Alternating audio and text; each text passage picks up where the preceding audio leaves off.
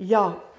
Um, litt tidligere, egentlig i begynnelsen av august, så uh, begynte vi på'n igjen etter sommeren. Og da begynte jeg på med at jeg var på Gavelstad. Var det noen som var der oppe? På en sånn uh, stevne som var der, som het Egentlig er jeg litt sånn usikker, for de endrer tittelen noen ganger. Men uh, stevnet hadde vel headingen eh, 'Forførelse eller forfølgelse'. Og fantastisk spennende. Og den ble faktisk fulgt opp utrolig kjapt. Vi var fire forkynnere som var der oppe og talte. Og, og jeg hadde tre taler der. Faktisk én ekstra fordi Alf Magnus, stakkar, falt og fikk eh, kraftig hjernerystelse. Så han kunne plutselig ikke komme. Så derfor så ble det litt mer på to av oss. Men det, jo, det, er jo et veldig alvor vet du, uh, i den tiden vi lever nå. Og jeg tror vi alle kjenner det. det fordi liksom denne det, det, ytre presset mot menighetene, tilpasningspresset, uh, er stort. Og det har det vært en tid. Og her har det vært litt sånn ulikt kan du si, hvilke kirkesamfunn og sånn og sånn, hvordan de har takla det. Ikke sant? Men det øker på nå. Og det, og, det, og det, øker på tenker jeg, Det blir spennende å se hvor fort det går. Og her inni dette her sånn, så var det nesten sånn at jeg hadde lyst til å endre tittelen på, på uh, dette stevnet fra, fra, uh, fra forfø, uh, forførelse eller forfølgelse til tilpasning eller forfølgelse. For jeg opplever at det er der det står. Enten så tilpasser du deg som menighet og blir tålt. Eh, og blir såpass konform og spiselig at det blir ikke en eh, konflikt med verden. Men da må du etter hvert eh, Og jeg tror ikke man behøver være profet for å stå og si det, men det er, det er min mening, da. At du kommer etter hvert som menighet til å måtte tilpasse deg kraftig for å bli tålt.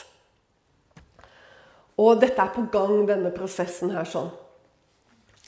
Uh, og så da, så har du den andre siden, det andre alternativet. Det er forfølgelse. Og det er jeg helt sikker på. Du må ikke sitte og nikke nå. For dette er jo på en måte en tolkning ut av ordet av hele. ikke sant? En samlet tolkning fra min side, og selvfølgelig flere av oss som forkynnere sin side. At vi står der, og vi kommer til å merke dette presset. At det kommer bare mer og mer.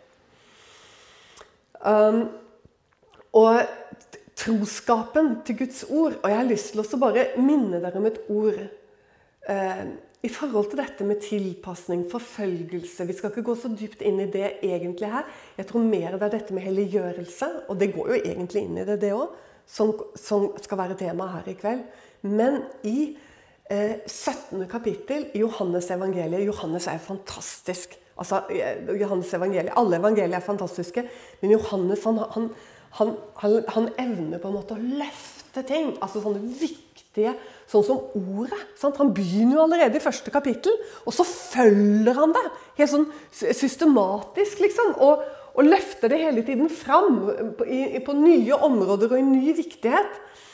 Og, og, det kommer mot oss sånne steder som allerede i første kapittel, så kommer det tilbake igjen i syvende kapittel, så kommer det i tolvte kapittel, 15, 17 Viktige kapitler da, inn i dette her sånn. Men i 17, der liksom Der blir det virkelig en konfrontasjon mellom, sånn som Johannes beskriver den, mellom ordet, hans ord, hans ord, ordet og verden. Altså, han liksom, han bare løfter denne konflikten som han toucher bortom flere ganger. Han, jo, han, er jo også den som sier at så høyt har Gud elsket verden. sant? At han ga oss. Så bruken av hva verden betyr, det er jo ikke sånn Det må man kanskje si noe om. For når Jesus sier at så høyt har Gud elsket verden, når Johannes skriver det, så er det jo fordi han taler om menneskene. sant? Så høyt han har elsket menneskene. Men ellers så bruker Johannes verden, og han gjør det jo på bakgrunn av at han siterer Jesus, som, som en sånn konfrontasjon, som, en, som, en, som, et press som menigheten eh, har stått i, vil stå i og kommer til å stå i. Og med ulik tyngde og kraft, for å si det sånn, i ulike historiske perioder. Og alt dette klarer eh, Johannes Både i evangeliet og i brevene sine, og faktisk også i åpenbaringen, så, så, merker du denne, øh, denne her viktige uh, spenningen mellom menigheten og verden. Men i kapittel 17 så kommer det veldig tydelig fram. Og jeg har lyst til å bare innlede med noe der, og noe som står i kapittel 15. Nå er det, nå er det jo allerede innledet her, men jeg, men jeg innleder litt likevel. Fordi at det står nemlig I kapittel 17 så står det Og det er jo i det man kaller for den yppersprestlige bønn, Jesu yppersprestlige bønn, hvor han ber til Faderen for oss som tror på han. Og så sier han Men nå kommer jeg til deg, i det 13. verset. Og dette taler jeg i verden for at de skal ha min glede fullkommen i seg. Og så kommer det. Jeg har gitt dem ditt ord, og verden har hatet dem. Og nå stopper jeg bare der. Så det går jo videre, ikke sant? fordi de ikke er av verden. og sånn. Men bare hør på den, liksom den enkle måten. altså sånn, Hvordan Johannes har tatt fatt i sitater av Jesus og løfter de, løfter de fram. Dette er bønnen til Jesus. 'Jeg har gitt dem ditt ord.' Simpelthen. Og derfor hater verden dem. Johannes, mange år eh, senere, eller det vet jeg faktisk ikke, hvor stor avstand det er mellom evangeliet og når han skrev ned åpenbaringen. Men da vet vi at han er en gammel mann som er på Patmos og Hvis du leser i første kapittel, så skriver han hvorfor han er fange på Patmos. Og så skriver han at han er der Vi kan, vi kan ta, det, ta, det, ordrett, slik han sier det i første kapittel. Og jeg var, niende verset, på den øy som kalles Patmos, for Guds ord og Jesu vitnesbyrds skyld. Det er ganske klart. Sånn. Hva er det som skap, skap, skapte forfølgelse for Johannes? Han var jo den eneste av apostlene som overlevde. Altså, ingen overlevde, sånn sett. Alle, alle, alle fikk dø i Herren, da, sånn sett. Men, altså, men de ble jo martyrer. Tenk deg det. Alle apostlene utenom Johannes. Og hvorfor det? Jo, for det ordet skyld. Det var jo for ordets skyld. Det var ikke fordi de så ut som kristne, eller luktet som kristne, eller gikk som kristne, eller hadde kors på seg, eller noe sånt noe. Men det var jo for det ord de talte, og det ord som de sto ved. Som de holdt fast ved. De må jo regne med at hele den første kristne menighet hadde muligheten til tilpasning, de òg. Altså, de hadde full mulighet til å slippe unna eh, martyrdøden. Og romerne var jo veldig veldig åpne for det. Altså, Det var jo noen bekjennelser de ville ha fra dem. Så, så, så kunne de slippe unna, selv om det selvfølgelig for, for, noen av dem så ble det jo sikkert å avsi seg Kristus og sant, ta imot eh, keisertilbedelsen. Men ikke for alle. For mange var det de mistet livet simpelthen fordi de sto fast ved ordet. Og det syns jeg er så viktig at vi minner hverandre om. For der kommer jo også tilpasningen inn som en fristelse. For det er jo ikke nødvendig å bli forfulgt. Det er ikke nødvendig å komme i konfrontasjon. Og nå betyr ikke det at vi, vi, skal alltid komme i konfrontasjon. Det er jo ikke det jeg mener. Men du må regne med det hvis du vil eh, etterfølge Jesus. da. Og du vil stå for han. For hvis du vil stå for han, så står du for hans ord. Det er jo bare sånn det er. For han er ordet. Jakob han sier det på en interessant måte. Han sier 'ta imot med saktmodighet', står det. Det ord som er innplantet i dere. Altså, det er innplantet. Så sier han, men hva er det du skal ta imot noe som er innplantet? Så sier han jo, for som er mektig til å frelse dere sjeler. Altså, det er noe Det gjelder å stå ved Jesus. Det, vi kan mange si at vi Ja, Jesus, Jesus. Men hvem Jesus er det vi snakker om? Vi snakker jo om Bibelens Jesus. Han som kaller seg for Guds ord. Han som er Ordet. Det er ingen annen Jesus. Det er bare han som er ordet, som er den Jesus som vi skal tro på. Og Hvis vi nå tar med også 15. kapittel, så vil jeg bare dra ut noen vers før vi skal gå videre til eh, Johannes' åpenbaring, tredje kapittel.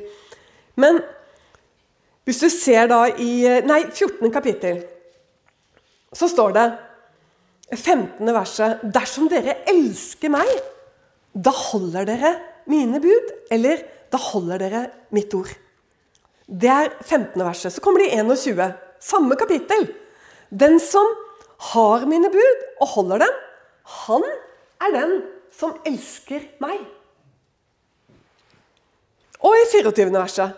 Den som ikke elsker meg, holder ikke mine ord.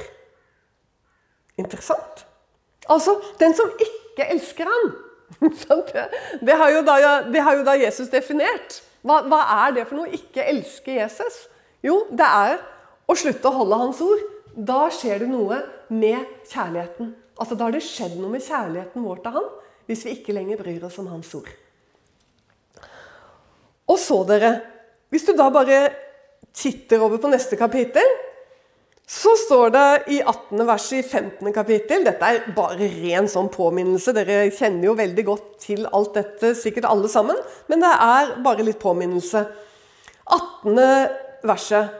Når verden hater dere, da skal dere vite at den har hatet meg før dere. Var dere av verden, da ville verden elske sitt eget. Sånn. men fordi dere ikke er av verden, men jeg har utvalgt dere av verden, derfor hater verden dere. Kom det ordet i hu som jeg sa til dere, en tjener er ikke større enn sin herre. Har de forfulgt meg, så skal de også forfølge dere.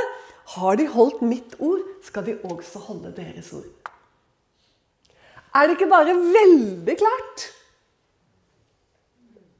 Kom igjen da, folkens! Det går ikke an å si noe annet. Dette er bare utrolig klart. Kampen står om Guds ord. Simpelthen. Vil vi stå for ordet? Vil vi bli stående ved ordet? Eh, og, og, rett og slett nekte å si Eller jeg går ikke med på tilpasning. Nei, jeg går ikke med på det. Hva nå det enn måtte bli. Vi har, vi har jo allerede kommet ganske langt på den veien. Men den fortsetter hvis ikke vi stopper og eh, snur oss og ser eh, hva er det vi har tapt på veien. Nå, dere, la oss gå til Johannes' åpenbaring. Fordi der står det noe som er jo selvfølgelig den samme mannen fra Eller dere, skal vi hoppe innom verset, eh, nei, brevet, òg? For det er jo den samme mann. Og da har vi tatt noe fra evangeliet, og så tar vi noe fra brevet, og så går vi til åpenbaringen, så ser vi at alt dette er sydd sammen. da. Og det er det samme budskapet. Og der kommer de det, Dette er jo litt bra, da, i andre kapittel i 15. verset, i 1. Johannes brev. Fordi at jeg tenker til Norge, verdens rikeste land, så må jo dette verset som kommer her av Johannes, være utrolig viktig. For her står det 'Elsk ikke verden'. Nei. Heller ikke de ting som er i verden. Altså, det er ikke bare at du Han bare Sånn at det ikke skal være mulig å misforstå. Sant? Elsk ikke verden. Altså, det handler ikke om menneskene. At du ikke skal elske de menneskene som Jesus ga sitt liv for, som han døde for, og som han elsker. Med en brennende, evig kjærlighet. Det er ikke det det handler om. Han bare for at vi alle skal skjønne. Og de ting som er i verden. Altså det som kjennetegner verden ikke sant? på ulike måter. Om noen elsker verden, da er kjærligheten til Faderen ikke i ham. Så Dette er sånn type ord som veldig sjelden tror jeg, i dag Det var veldig vanlig tror jeg, å tale over det før. Men, men jeg tror det har blitt mer og mer litt sånn sjelden at vi tar opp disse her litt vanskelige passasjene. Og jeg med brillene på nesen er veldig glad i å ta noen av de litt ubehagelige passasjene. Fordi at det er så mye lys og hjelp å få, og sannhet, ikke minst. Det er så mye sannhet om hva jeg trenger som menneske, og hva jeg tror du også trenger som menneske. For alt det som er i verden, skriver Johannes, kjødets lyst, øynenes lyst, storaktighet i levdet. Dette er jo min gamle 1930-oversettelse. Så det er, og årsaken til det er det at, at når jeg ble frelst og skulle liksom Jeg ble jo det hjemme på natta, ikke sant? Og, og så gikk jeg jo ned til bokhandleren øh, på Blindern. Og så gikk jeg til teologisk seksjon. Og så sa jeg til henne at jeg hadde blitt en kristen, hun som satt på teologisk seksjon der. Og jeg må ha en bibel. Ja, tenk, jeg hadde ikke en bibel engang. Og så sa hun Så fantastisk. Og så sa hun Da må du ha 1930-oversettelsen, for den er så poetisk, sier hun. Og det, ja, så jeg, hadde, jeg visste jo ikke hva som var bra. Så den har liksom blitt eh, hjertespråket, da. Sant? Det er blitt den Bibelen som på en måte har vært med meg helt fra fødselen av. det er morsmålet mitt, da. Det er jo det der. Det er morsmålet mitt. Det er denne 1930. Som du syns at det, blir litt gammelmodig, så er det mitt morsmål, da. Så da får du bare ta det sånn eh, som det er. Ok. For alt det som er i verden, kjødets lyst, øynenes lyst, og så kommer dette gammelmodige, storaktighet i levnet vi skjønner hva det er. Gjør vi ikke det? Sant? Vi brer, liksom, vi brer litt om oss, og vi er litt stolt over liksom, hvor vellykka og hvor bra vi har det, og hvor mye vi har da, og i det hele tatt. ikke sant? Um, så skriver han da at uh, alt dette, ikke sant, det er, dette her er av verden, og det er ikke av Faderen. Han sier faktisk hvis vi har en kjærlighet til verden og bruker masse tid og fokus på verden, så står det faktisk noe om vårt forhold til Gud Fader. For verden forgår, og dens lyst, men den som gjør Guds vilje, blir til evig tid. Fantastisk. Nå har vi holdt oss stort sett bare til Johannes. Men jeg har lyst til å Siden dere nå får så mye Guds ord her, og dere behøver ikke å huske alt Hvis dere vil ha det av meg, så kan dere få det etterpå. Eller som sagt så er det stor sjanse for at vi legger det ut på uten tvil også. Men første Peters brev begynner på en spennende måte. Kanskje jeg kan det utenat. Fordi han skriver til menighetene rundt omkring, og så nevner han ulike plasser. Og så han, kaller han dem for utlendinger, og det passer jo bra med det Johannes sier. ikke sant? At vi er ikke av verden. Eh, han sier han har utvalgt oss av verden. Vi er i verden for å være hans redskaper her i verden. Så vi skal være i verden, vi skal elske menneskene slik han elsket. Tenk på det. Men så sier han at vi er ikke av verden. Liksom han ikke er av verden. Han er ikke av verden, og vi skal ikke være av verden. Peter sier det på en litt annen måte. Han sier simpelthen til dere utlendinger fra Larvik, eh, Brevik Eh, Sandefjord og eh, Skien, f.eks. Bare at han bruker jo byer i, eh, i området der I tilknytning til hvor han besøker menighetene. Nå husker jeg ikke akkurat de navnene, han, men han, han snakker til menighetene. Så sier han 'utvalgt'. Du La oss ta det ordrett like godt, tror jeg. fordi at det er, det er, så fort gjort når man skal stå og si noe utenat, og, så og så glemmer man et ord, liksom, og det er litt dumt. For det, det kan være viktig. Peter, Jesu Kristi apostel, til de utlendinger som er spredt omkring i Larvik, Sandefjord, Skien og Bamble. Etter Gud Faders forutviten i åndens helliggjørelse til lydighet. Interessant. Altså Først så sier han at dette som Johannes også sier, at vi er ikke av verden. Og så sier han at Peter han sier det på en annen måte. Han kaller oss for utlendinger. Og det er jo veldig bra. Fordi du vet dette ordet 'hellige' Har du hørt på prestene ofte når de leser opp dagens tekst, søndagens tekst? Så etter at de har gjort det, så sier de noe. Det er en slags sånn standardformular. Husker dere hva det er? Hellige oss i sannhet. Ditt ord er sannhet. Og dette ordet 'hellig' jeg vil så spørre deg Vet du hva det betyr? Jeg tipper det er noen her som vet det. Hva 'hellig' betyr. Altså Det hebraiske ordet, det er jo det vi må gå til. Hva det hebraiske ordet 'hellig' egentlig betyr.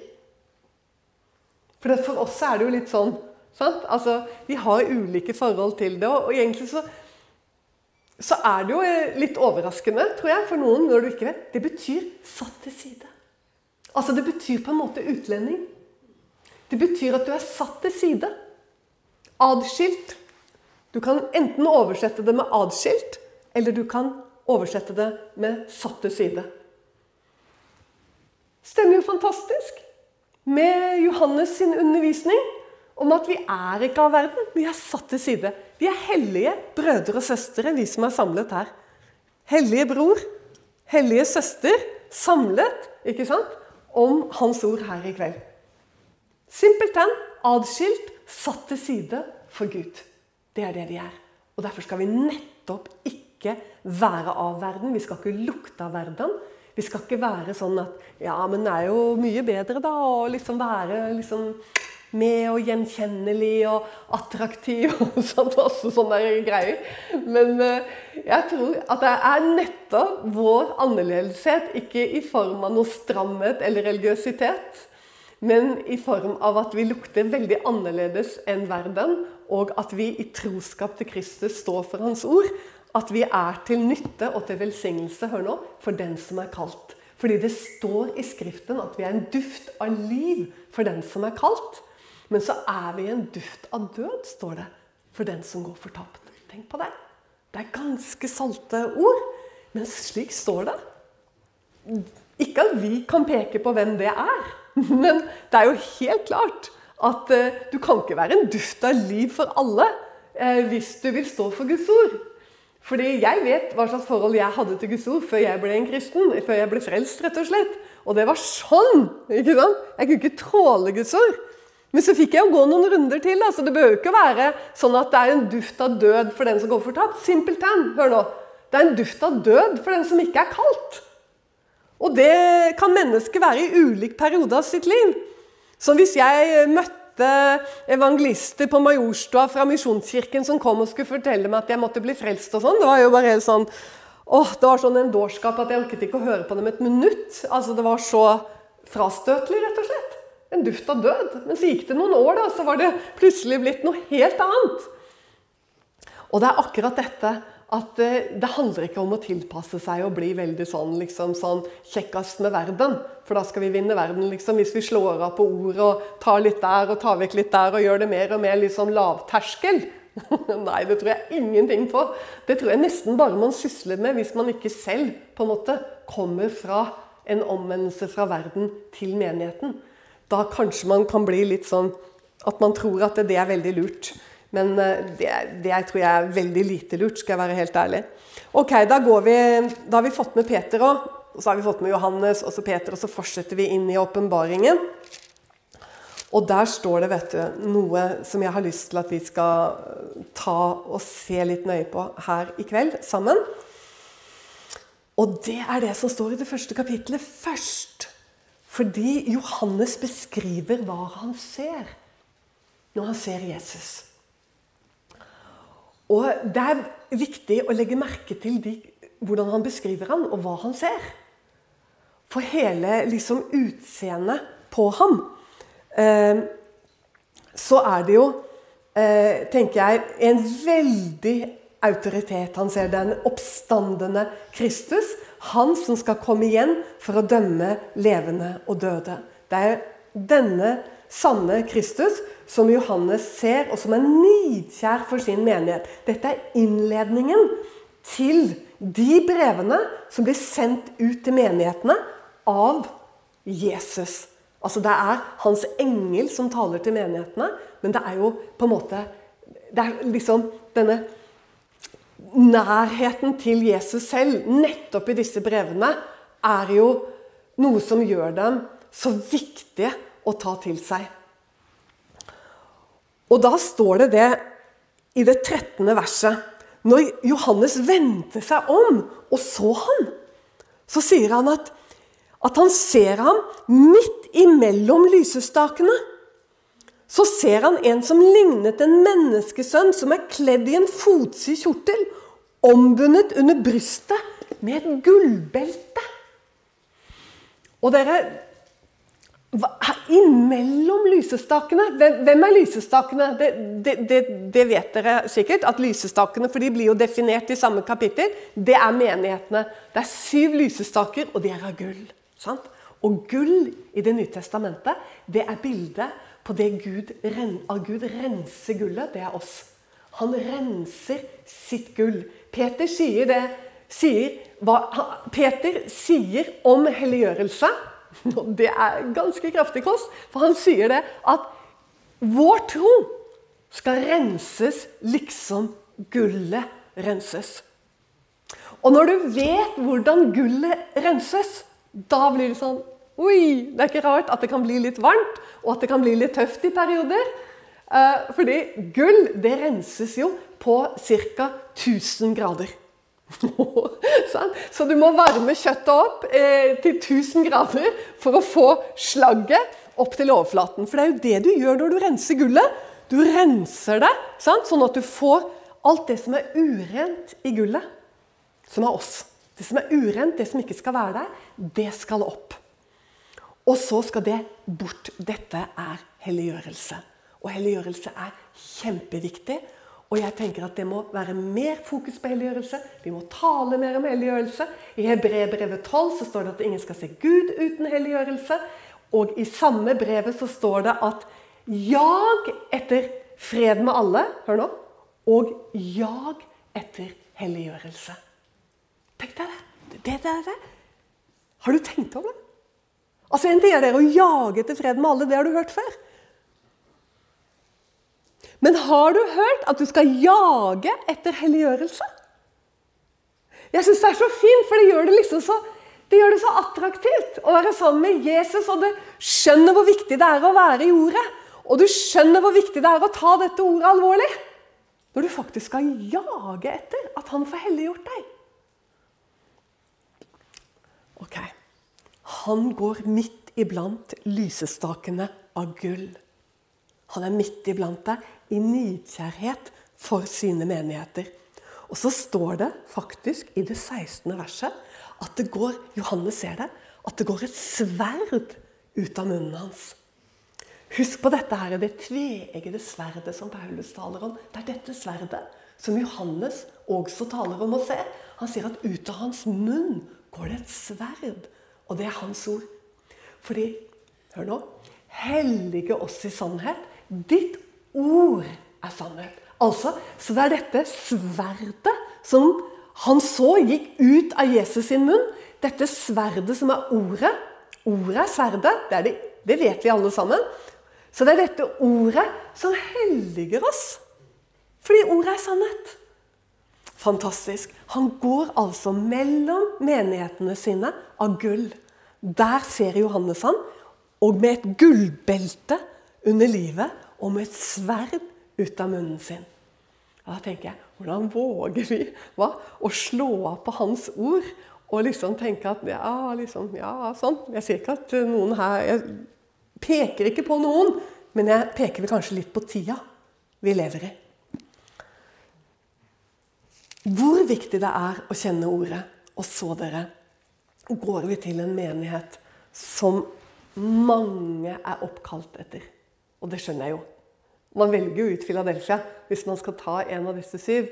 Eller Smyrna. Man tar enten Philadelphia eller Smyrna, for det var de to som ikke trengte å omvende seg. Men de fem andre de fikk jo bare klar beskjed om omvendelse. Og For å si noe felles før jeg snakker om Philadelphia, så er det jo sånn at alle disse menighetene Jesus snakker til, så er det om forholdet til hans ord. Når han snakker til Efesus, så handler det om forholdet til hans ord. Når han snakker til Pergamum, så er det om forholdet til hans ord. Altså Det går på ordet og læren. Når han snakker til eh, Sardes, så har det med hvor er de i forhold til eh, læren. Så Han begynner jo hvert av brevene med å si 'Jeg vet om dine gjerninger'. Og det høres jo nesten litt sånn 'Jeg vet hvor du bor'. Altså, det høres jo nesten litt sånn truende ut. Jeg vet hvor du bor, liksom. Jeg, jeg, vet hva du driver med, jeg vet hva du gjør. Sånn. Det høres rett og slett litt sånn truende ut. Jeg vet om gjerningene dine. Sånn. 'Å, Gud, jeg gjør ikke nok gode gjerninger, og jeg må liksom flagre rundt og gjøre litt mer.' Det er jo ikke det. Det han ser, er forholdet ditt til Guds ord. Altså Gjerningene det handler om ditt forhold til Guds ord. Så det er jo det som Jesus er opptatt av når han taler til Tiatyria, når han taler til Pergamum, når han taler til Laudikea, når han taler til Philadelphia. Det er forholdet til ordet. Og dere Når han kommer til Philadelphia, så er det så fint. Fordi at han, han, eh, han, eh, han sier, som han gjør til alle de andre, at 'jeg vet om gjerningene dine'. Men så sier han 'se, jeg har satt foran deg en åpnet dør'. Og ingen kan lukke den til. For du har liten styrke. Og har dog tatt vare på mitt ord og ikke fornektet mitt navn. Og da du, Da har han ikke så veldig mye mer å si. For det er liksom Det er det han ser etter i alle menighetene. Forholdet de har til ordet. Når han kom til Pergamum, så måtte han jo kraftig eh, formane. For de hadde sklidd ut i noe som het nikoalittenes lære. Og det hadde jo vært veldig trøstende for oss hvis nikoalittene var noe som bare fantes den gangen. Men du kan jo finne nikoalittenes lære iblant oss i dag òg. Og det handler jo simpelthen om tilpasning. Altså, Nikolittene de lærte at det var ikke så viktig verken med sånn eller sånn. For at du var frelst, og du var ren, og du var født av ånden. Og da var det ikke så viktig om du liksom levde i kjødelig urenhet. Det var nikoalittenes lære. Sånn at, eh, så der, der, sier faktisk eh, Jesus det så kraftig at hvis du ikke omvender deg, Pergamum, så vil jeg kjempe imot deg med min munns sverd. Der kommer det sverd igjen. Så det er Jeg tenker Noen ganger kompliserer vi disse menighetene og hva det handler om og hva det står for, noe aldeles tulte. Fordi det handler simpelthen om Jesus som formaner på ordet og på læren. Husk hva han sa da til Peter, som skulle bli leder. 21. kapittel. Vokt mine får! Fø mine lam! Ikke sant? Eller, eller vokt mine lam og fø mine får. Og hva er det? Det handlet om ordet. Altså, vokt dem, vokt læren, vokt det. Og gi dem maten. Gi dem mitt ord. Det samme er det her. Det handler om det er han, den oppstandende, han som kommer igjen. Han går der kledd ikke sant, med ah, Han har eh, liksom nærmest et ja, Han har dette beltet av gull, og hans føtter er som kobber, og håret er ull. og når han Johannes hører han tale, så blir han helt fælen, for det er som røsten av mange vann når han taler. Og han faller ned som død på, liksom, til jorden. Han går mellom menigheten sin av gull. Han går der for å tale, for å korrigere og for å rense den. Og så sier han hele tiden 'den som seirer'. Det er en veldig påminnelse om noe som han også sier at Philadelphia har vært veldig lure for de har holdt fast på noe som f.eks. Sardes ikke har holdt fast på. Nemlig at jeg kommer snart. Altså dette forventningen om Han. Forventningen om hans gjenkomst. Hør nå hvordan, han, hvordan det står til Filadelfia. Der kommer det. Det står jeg vet om dine gjerninger, så jeg har satt foran deg en åpnet dør. Vi tar det fra begynnelsen. Ingen kan lukke den til. For du har liten styrke og har dog tatt vare på mitt ord og ikke fornektet mitt navn. Og så kommer det noe som er mer sånn historisk tidsmessig i forhold til Satans synagoge. Men så sier han fordi du har tatt vare på mitt ord om tålmodighet vil jeg òg fri deg ut fra den prøvelsens stund som skal komme over hele jorden for å prøve de som bor der. Du vet at da må jo de ha feil, som sier at ja, men dette er jo historiske menigheter som er mest interessant. Sant? De fantes den gangen. og Det er ikke så viktig for oss å vi skjønner jo at han taler jo profetisk om menighetene. Det er syv stykker. Og jeg vil si det så fremodig at dette er syv typer menigheter som du antageligvis eh, ikke vil finne noe utenfor i, som åttende eller niende. Altså her har du hans menigheter, og på en måte der hvor korrigeringen og der hvor formaningen eh, skal eh, lyde. Simpelthen. Og Philadelphia det må jo være kjempeviktig i den siste tid. Fordi de får vite det at fordi du har tatt vare på dette med min gjenkomst, altså det å vente på han, at du lever i forventning at han kommer og skal hente sin menighet, så står det at derfor vil jeg nettopp sørge for at du er tatt bort ifra jorda. Du skal tas bort når den prøvelsens tid kommer over hele jorden. Fantastisk! Tenk at Philadelphia får det vitnesbyrdet. Det er så bra! Og det er den menigheten som har liten styrke. Og ordet her er egentlig dynamisk. Altså Guds kraft. Det er lite Guds kraft der. Det er lite under og tegn i den menigheten. Det er ikke så mye helbredelse og nådegaver i funksjon, antageligvis. Og jeg tenker at kanskje er det en sånn menighet som ja, ikke tenker på seg selv som at, eh, at eh, vi har liksom skjønt og vi har fått det til. For det har jo Laudikea, f.eks. De, de tror jo det. For de sier jo det, de. Les Laudikea i kveld før du legger deg. De sier jo det at uh, vi er rike og mangler ingenting. Det, det, er bekjennelsen. Hva slags lære er det de har hørt på? Hva slags lære er det Laudikea hører på? For det, det, det, som er deres bekjennelse, det er at uh, vi er rike og mangler ingenting. Det er Laudikea.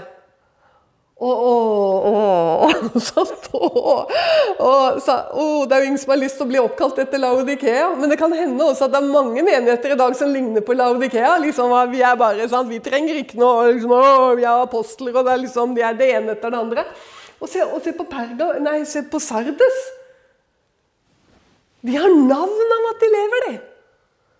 Og da, da tenker jeg det er sikkert et sånt sted hvor mange da Hvis det er navn at det er liv der ja, da, vet du, da vil jo mange bli trukket mot det.